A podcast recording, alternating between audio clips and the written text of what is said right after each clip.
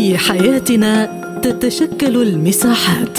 نظل داخلها على اختلاف الثقافات. ولكن في مساحتنا تتحد الغايات. لأننا نغوص في أعماق المجتمعات. فإذا كان لديك وجهة نظر حرة فأهلا بك في مساحة حرة. أهلا بكم مستمعينا الكرام في حلقة جديدة من مساحة حرة وهذه جيهان لطفي تحييكم. في حلقة اليوم نناقش هل تحول التغيرات المناخية الشرق الأوسط إلى بؤرة هجرة جديدة؟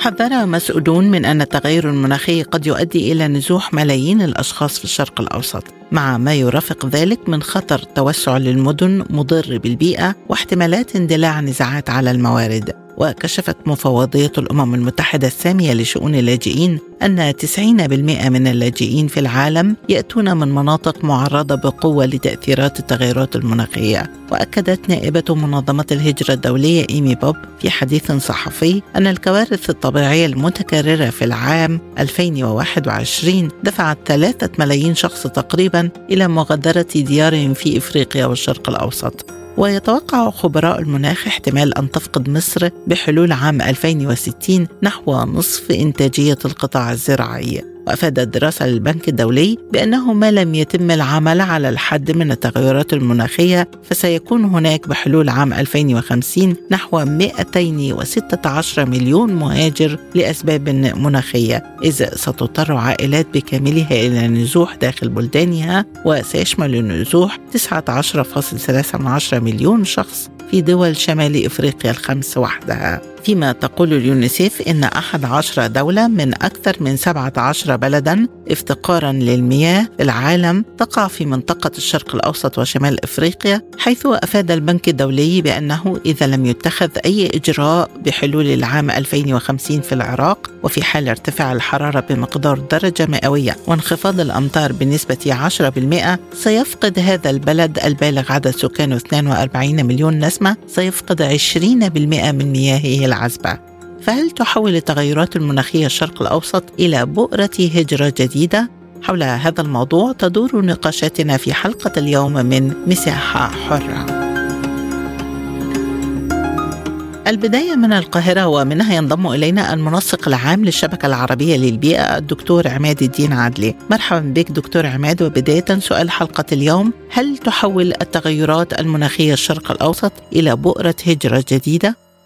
اولا بشكر حضرتك على الاستضافة. هو طبعا الشبكة العربية للبيئه والتنمية دلوقتي تقريبا أكثر من 15 سنة وإحنا بنحاول انه نعمل عملية إدماج لبعد مهم جدا من تأثيرات التغيرات المناخية وهو خطر النزوح والهجرة بسبب التغيرات المناخية، المنطقة العربية منطقة بتعاني إلى حد كبير من مشاكل الجفاف بسبب ندرة المياه وبسبب موجات الحرارية الشديدة وأيضا بسبب طبيعة المنطقة. هي من أقل المناطق هطول الأمطار ومعظم المنطقة مواردها جزء كبير من مواردها أكثر من 60% من مواردها المائية السطحية بتأتي من خارج المنطقة. بالإضافة زي ما قلت لقلة معدلات هطول الأمطار مع درجة الحرارة العالية موجودة في المنطقة دي مع الزيادة السكانية اللي بتحدث في المنطقة كلها عوامل بتؤدي إلى حدوث جفاف. وأيضا في بعض المناطق الأخرى المهدده بارتفاع مستوى سطح البحر وزيادة الملوحة في التربة هتزود أيضا مشكلة قلة إنتاجية الأرض الزراعية بسبب أيضا هذه الأسباب. فطبعا كل العوامل الخاصة بتأثيرات التغيرات المناخية على المنطقة بتهدد بأنه مناطق كتير قد تواجه مشكلة النزوح والهجرة سواء كانت وغالبيتها هتكون داخلية ولكن جزء منها كمان قد يكون وبدأنا نشوف فعلا نزوح إلى خارج المنطقة. وبالتالي اللي بتحاول تعمله الشبكة العربية للبيئه والتنميه مع مجموعة من الشركاء وبالذات المؤسسات البحثية والعلمية إن إحنا نركز على الجزء الخاص بعمل الدراسات الكافية وعمل أنظمة الإنذار المبكر اللي تقلل جدا وتمنع حدوث هذه الظاهرة أو إنها تقلل جدا من أعداد الناس اللي ممكن لأن ده طبعا هيأثر أكيد على الاستقرار في دولنا وقد يؤدي في بعض الأحيان لا قدر الله زي ما حصل في تجربة دارفور في السودان قد يؤدي في بعض الأحيان إلى بعض أشكال العنف. البنك الدولي دكتور يطالب باتخاذ إجراءات قبل عام 2050 وإلا سنشهد هجرة 216 مليون شخص. ما طبيعة هذه الإجراءات وهل هي قابلة للتنفيذ فعلا من حيث وجود إمكانيات اقتصادية ووقت كافي لخلق ثقافة بيئية؟ الحقيقة إنه التقرير طبعا اللي بيضعه البنك الدولي تقرير آه، بينذر بمشكلة كبيرة لكن آه، وكالعادة البنك الدولي طبعا هو مؤسسة آه، بتعطي قروض وهي المشكلة اللي بتواجه قضية التكيف آه، لو قارناها بموضوع التخفيف لأن موضوع التخفيف بيبقى سهل جدا تمويله لأن بيكون ليه عوائد. أما العوائد على موضوع التكيف وبالذات من ارتفاع سطح البحر بتكون العوائد آه، مش بنفس الشكل مش بنفس الدرجة اللي ممكن يسبب بيها القرض في وقت محدود. وبالتالي ده بيضع عبء على الاقتصاديات الوطنية في إنها تقدر تسدد هذه القروض أو الديون أو يكون هناك استثمارات لكن يجب أن يكون طبعا جزء كبير جدا منها هيكون للدولة دخول فيها لأنه الحفاظ على الأمن الغذائي والأمن المائي للدول. ودولت موضوعين من الموضوعات المهمة جدا وخاصة إذا ربطناها زي ما قلت في الأول بموضوع الاستقرار. فالاستقرار والسلم الاجتماعي مهم جدا في موضوعات التغيرات المناخية وبالذات في موضوعات التكيف. فعلى الدول طبعا يعني لما نيجي نتفرج مثلا على استراتيجية مصر اللي وضعتها لل التكيف قالت إن هي تقريبا في حدود 120 مليار دولار تكلفة التكيف مع ظاهرة التغيرات المناخية. ده مبلغ طبعا يفوق إمكانيات مصر بكثير وبالتالي هيبقى محتاج باستمرار آه، إما مساعدات خارجية ولكن الجزء المهم هيكون البرامج الذكية والاستثمارات التي يمكن أن توضع بشكل ذكي حتى تواجه قضية التغيرات المناخيه على مستوى التكيف في المناطق المهددة واللي زي ما قلت إنها هتكون تهديدها بيؤثر على نزول عدد كبير وأيضا آه، آه، وقف برامج اقتصادية قوية. هنا كمان القطاع الخاص هيكون له دور مهم جدا لأن كثير جدا من المناطق المهددة فيها مشروعات للقطاع الخاص ولذلك يجب أن تتكاتف كل كل الأطراف سواء كانت الجزء الحكومي أو الجزء الخاص بالمؤسسات الدولية والقطاع الخاص مع القطاع المدني اللي أنا بشرف إني أكون بمثله. قرارات مؤتمرات البيئة غير ملزمة ويمكن للدول أن تتخلى عن تعهداتها أو تنسحب من هذه الاتفاقات إذا ما هي الضمانات التي يمكن أن تلزم الدول خاصة الدول الصناعية بالالتزام بحماية البيئة؟ زي ما حضرتك تفضلت إنه ما فيش حاجة ملزمة لكن هو الالتزام بيأتي في كثير من الأحيان في شكل أخلاقي في وجود المجتمع المدني القوي اللي تملي بيكون بيعلي صوت الضمير بيضع بس ده اللي بيضع ضغوط على الحكومات إنها آه، تقوم بتعهداتها وتنفذ هذه التعهدات. القمم اللي بتعقد لتغير المناخ وهي على فكرة هي الاتفاقية الوحيدة اللي بيعقد لها قمة كل عام. يعني في مجال التنوع البيولوجي بتحدث كل ثلاث سنوات وفي التصحر كل ثلاث سنوات أيضا تغير المناخ بتحدث كل عام لأنها مهمة جدا. وبالتالي وجود هذه القمم بيكون شكل من أشكال مراجعة الإجراءات اللي خدتها الدول بالذات الغنية والصناعية الغنية عشان نضمن إنهم يسيروا في هذا الاتجاه. مش عايزين نرجع تاني لتجربة إن مثلا الولايات المتحدة الأمريكية المسؤولة عن 25% من الانبعاثات إنها تنسحب من هذه الاتفاقية لمدة أربع سنوات. ما فيش عندنا هذا البديل من الرفاهية إن يحصل تراجع مؤقت أو تراجع لفترة تراجع لفترة طويلة. فده آه، الإلزام دي هيكون بالوعي اللي موجود عند الشعوب وده طبعا بتفرضه آه، حتى الشعوب الدول اللي فيها الحكومات ممكن تتراجع. فده بيؤكده المجتمع المدني الموجود في أوروبا والموجود في أمريكا بأنه بيضع ضغوط باستمرار على حكومتهم عشان يكونوا على قدر المسؤولية.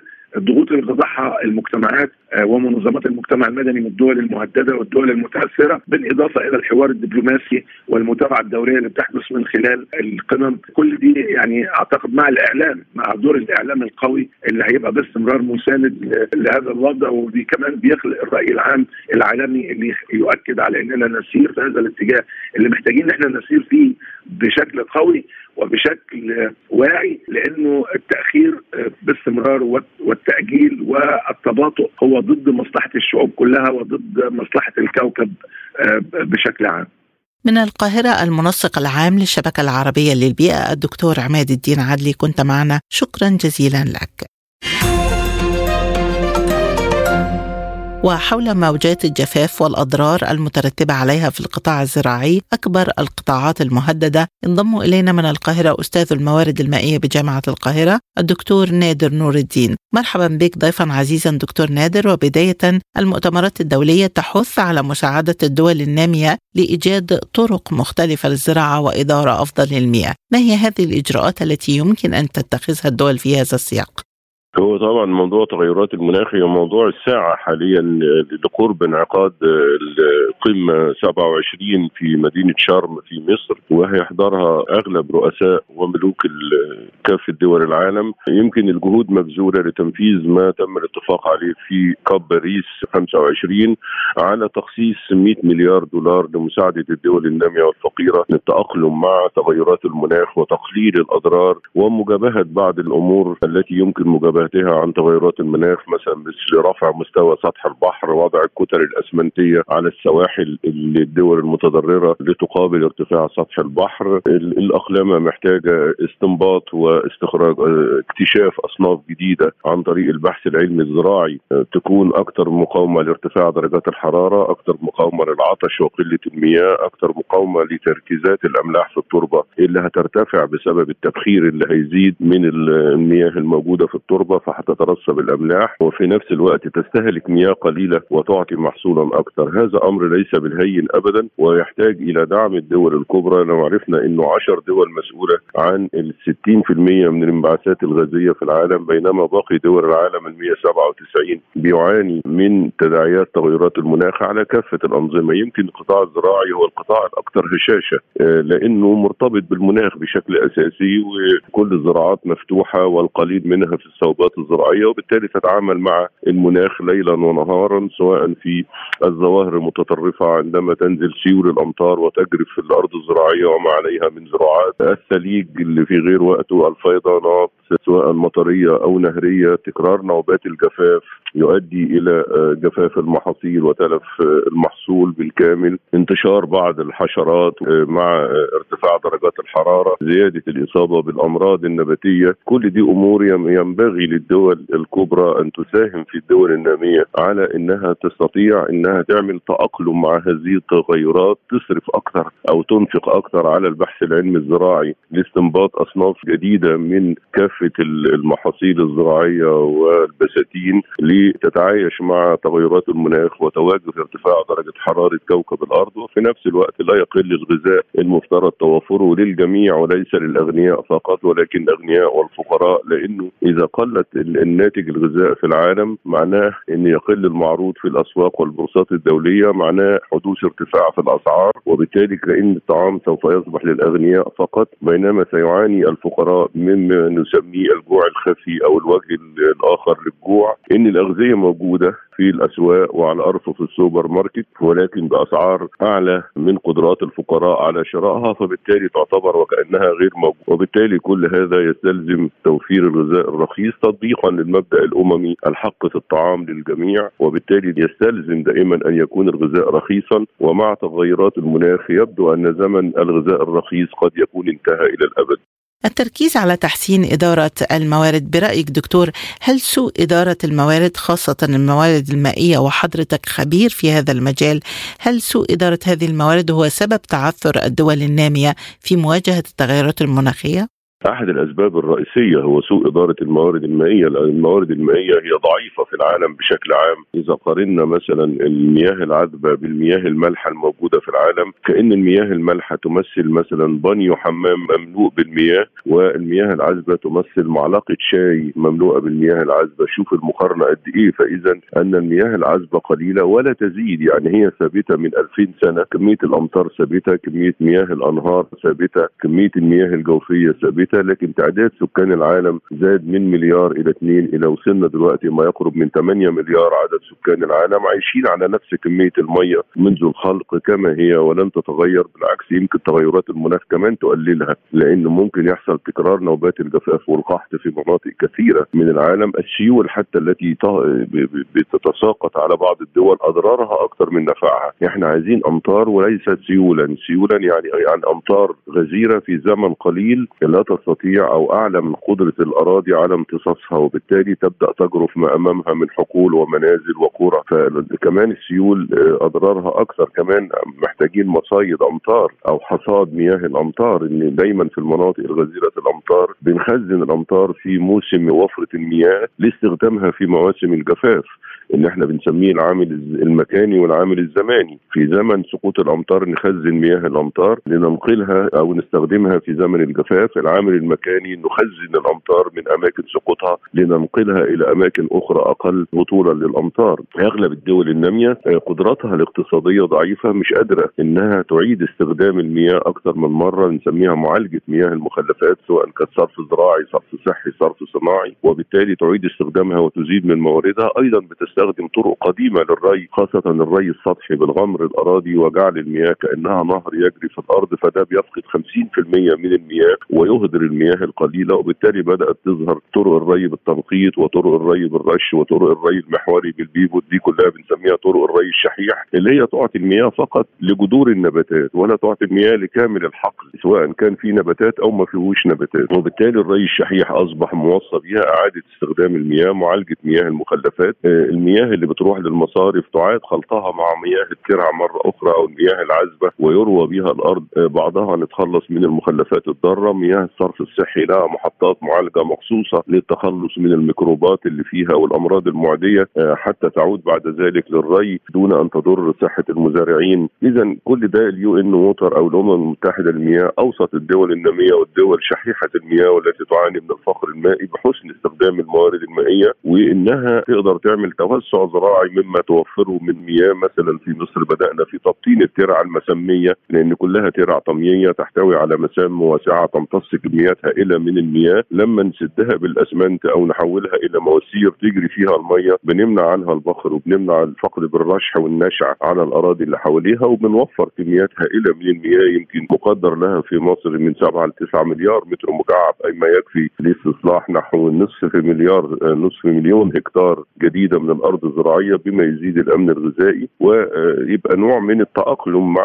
تغيرات المناخ إن أنا بوفر مياه أكثر إن أنا بحمي الموارد المائية من الفقد إن أنا بعيد استخدام كل قطره مياه. وعشان كده يمكن منظمة الأغذية والزراعة كانت مطلعة شعار every drop count and count on every drop يعني كل قطرة ميه تفرق معاك واعتمد على كل قطرة ميه متاحة ليك احسن استغلالها. وانتج منها سواء في المصنع سواء في المزرعة. وانت في البيت لا تهدر المياه في المطابخ والحمامات لأن انت بتحول المياه النافعة إلى مياه ضارة مياه نافعة نازلة من الحنفيات وصنابير المنازل بتذهب إلى المجاري وتصبح مياه ضارة وبالتالي قد تكون ممرضة. اذا إحنا يعني بالحفاظ على الميه نمنع تحويلها إلى مياه ضارة تتطلب نفقات لمعالجتها. اذا الزراعة مياه اولا ثم طاقة ثانيا ثم تراب زراعية قابلة للزراعة ثالثا. التقديرات تشير إلى أن دولة مثل مصر قد تفقد نصف إنتاجها الزراعي بحلول 2060 هل ستتمكن الدولة من التعامل مع كارثة بهذا الحجم؟ وهل يهدد هذا الخطر كيان ووجود واقتصاد هذه الدولة كثيفة السكان؟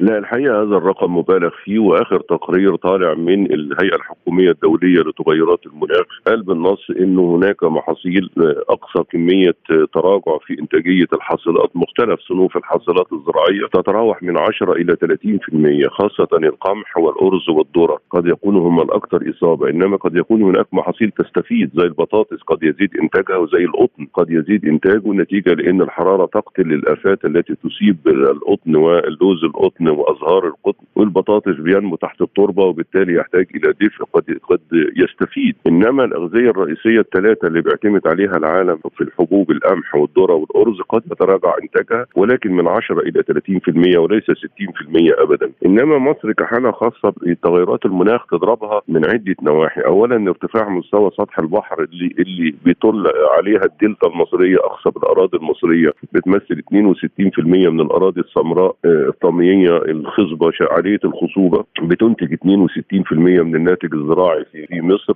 يسكنها 55% من عدد السكان. ارتفاع مستوى سطح البحر قد ينشأ على التربة ينشأ على مياه الجوفية والمياه الجوفية تنشأ مياه مالحة فقد تؤثر وقد تؤدي إلى هجرة نحو 4 مليون مواطن بحلول عام 2050 إلى 2060 الحاجة الثانية إنه تأثيرها على الإنتاج الزراعي قد يتراجع بنسبة كما ذكرت من 10 ل 30% الحاجة الثالثه إنه تغيرات المناخ قد تضرب منابع نهر النيل اللي هو بيمثل أكثر من 90% من الموارد المائية في مصر لأن المياه الجوفية قليلة والأمطار معدومة لأننا جزء من الصحراء الأفريقية الكبرى. وبالتالي ليست لدينا أمطار نعتمد عليها لا في الزراعة ولا في أي سبل إنتاج أو استخدام منزلي. إذا نحن نعتمد كليا على نهر النيل. ثبت من الأبحاث الأخيرة في الخمس سنوات الماضية أن النيل الأزرق ستتراجع تدفقاته من أجل الجفاف اللي هيجتاح القرن الأفريقي وإثيوبيا، إثيوبيا بيجي منها 85% ومعرضة لضرب تغيرات المناخ، النيل الأبيض اللي بيجي من آه، منابع البحيرات الاستوائية على خط الاستواء في منتصف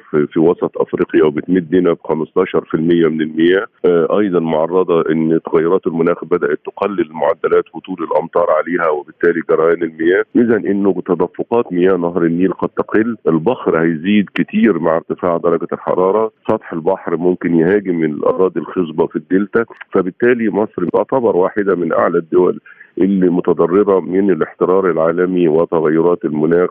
أخيرا دكتور نادر تحدثت حضرتك عن المبالغة في التقارير وهذا يحملنا إلى السؤال على أي أساس يتم حساب تأثير التغيرات المناخية الاقتصادية إذا كانت غير قابلة للتنبؤ بها كما يقول الخبراء وأيضا في غياب نماذج سابقة يمكن القياس عليها. هو ده صحيح لأنه آه، يعني هي في اولا وأخيرا هي تقديرات. كانت الأول عند صدور النشرة الأولى لتغيرات المناخ في عام 2007 وقت أن حصل آه، الجور ورفاقه على جائزة نوبل للسلام أول مرة يطلق كلمة تغيرات المناخ. كان قبل كده بيطلق عليها قمة الأرض قمة البيئة. ثم بدأنا من عام 2007 نعرف مصطلح تغيرات المناخ. تغيرات المناخ قيل عليها إنها تقديرات.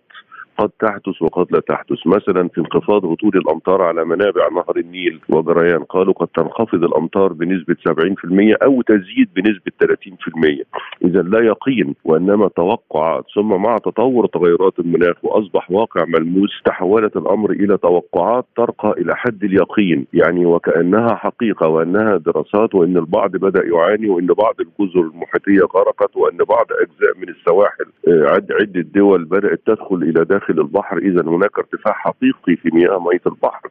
معدل ذوبان آه، الجليد في القطب الجنوبي مثلا في العام الماضي تراوح من 125 جي مليون جيجا طن إلى 225 مليون جيجا طن ودي كميه هائلة من الجليد. وذوبان الجليد أحد رئات كوكب الأرض اللي بتمتص غاز ثاني أكسيد الكربون. ده هيؤدي كمان إلى رفع مستوى سطح البحر وتهاجم الدول الجزر زي الفلبين زي إندونيسيا زي اليابان زي الجزر المحيطية هاواي وغيرها كل ده هيتأثر. إنما تجيه المحاصيل نحن لم نشهد في العشر أعوام الأخيرة أي انخفاض في الإنتاج الزراعي العالمي. إنما ارتفاع الأسعار الأخير كان طبعا الأزمة الروسية الأوكرانية بالإضافة إلى ارتفاع أسعار الوقود أو ارتفاع أسعار البترول لأن البترول أو الطاقة بتساهم بنحو 33% من الإنتاج الزراعي سواء في شحن الحبوب والغذاء من مناشئ التصدير إلى دول الاستيراد سواء في تصنيع الأسمدة والمبيدات دي كلها طاقة في جرارات الزراعية وآلات الحصاد وسيارات نقل المحصول إلى الأسواق. اذا ثلاثة وثلث الإنتاج الزراعي طاقة وبالتالي لما البترول يرتفع يرتفع معه أسعار الغذاء.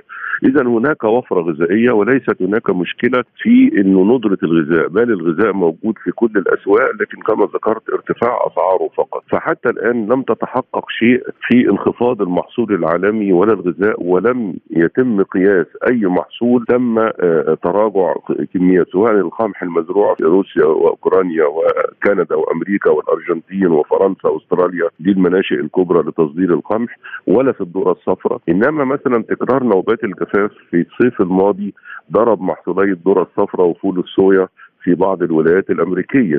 هنا يعني آه، دي, دي نتيجة لجفاف حصل تراجع في الأمطار لأن الزراعة هناك على الأمطار وليست مروية. وبالتالي هذا بنسميه عامل مؤقت يعني ممكن يحصل جفاف هذا العام ولكن العام القادم قد لا يحدث جفاف. ولا ندري إن كان هذه تغيرات طبيعية أم تغيرات لتغيرات المناخ. إنما حتى الآن لم يتراجع إنتاج الغذاء العالمي ولم تتحقق قدر ملموس أو معنوي نقدر نعتمد عليه في إنه تغيرات المناخ قد تسببت في نقص كميات إنتاج الغذاء من الحقول ولكنها ما زالت توقعات قد ترقى إلى حد اليقين كما جاء في التقرير.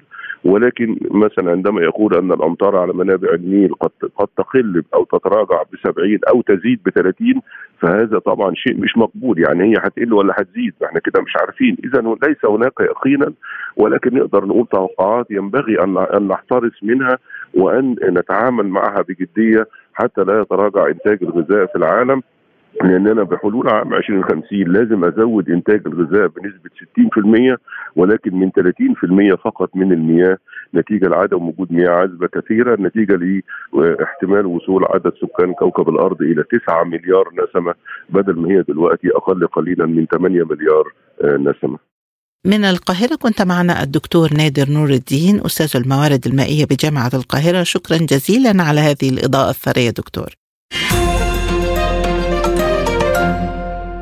وحول الجانب الاجتماعي لظاهرة النزوح ينضم إلينا من القاهرة أستاذ علم الاجتماع الدكتور سعيد صادق مرحبا دكتور سعيد وبداية برأيك هل النزوح من الشرق الأوسط سبب فقط التغيرات المناخية وتأثيراتها على الزراعة أم يمتد إلى الانجذاب لنمط الحياة في المدينة والخدمات المتاحة فيها؟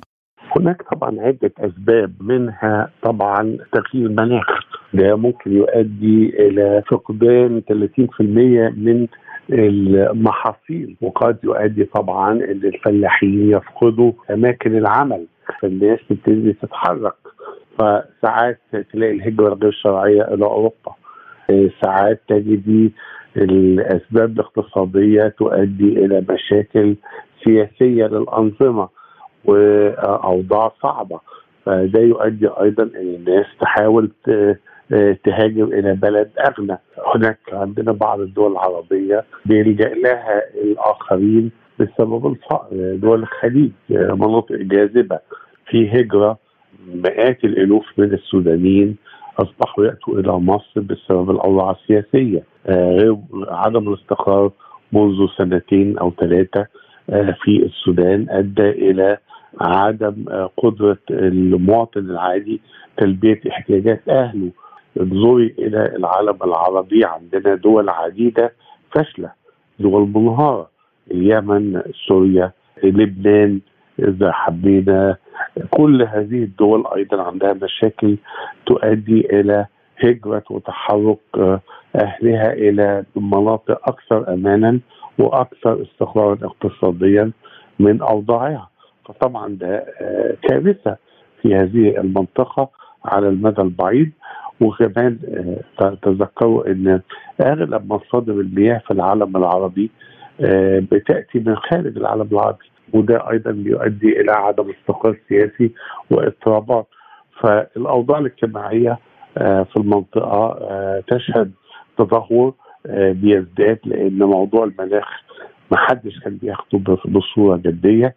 التقارير تقول إن الكوارث الطبيعية في عام 2021 دفعت ثلاثة ملايين شخص إلى مغادرة ديارهم في إفريقيا والشرق الأوسط وحدها. هل يدفع الشرق الأوسط إذا ثمن ممارسات الدول الصناعية الضارة بالبيئة؟ وسؤال حلقة اليوم هو هل تحول التغيرات المناخية الشرق الأوسط إلى بؤرة هجرة جديدة؟ أكثر مناطق متأثرة بتغيير المناخ إفريقيا آه والسبب هي ما عندهاش التصنيع الذي يؤدي إلى هذا. إنما التصنيع والتلوث البيئي ده جاي من الدول الأوروبية والدول الغربية بصورة عامة وإحنا شفنا بعض الفضائح. وضيفي طبعا لكده الأوضاع السياسية المضطربه الدول الفاشلة اللي موجودة في المنطقة وتأثيراتها على دول الجوار. الفكر الانقلابي والسوي اللي موجود في المنطقة اللي كل شوية تلاقي حد عايز يعمل انقلاب. واضطرابات في دولة هنا أو دولة هناك فده طبعا بيؤدي في النهاية إلى عدم الاستقرار في المنطقة. وهذا لم يتغير حتى الآن. بحديثي إلى الدكتور سعيد صادق أستاذ علم الاجتماع من القاهرة نكون قد وصلنا إلى ختام حلقة اليوم من مساحة حرة وللمزيد زوروا موقعنا على الإنترنت سبوتنيك dot ae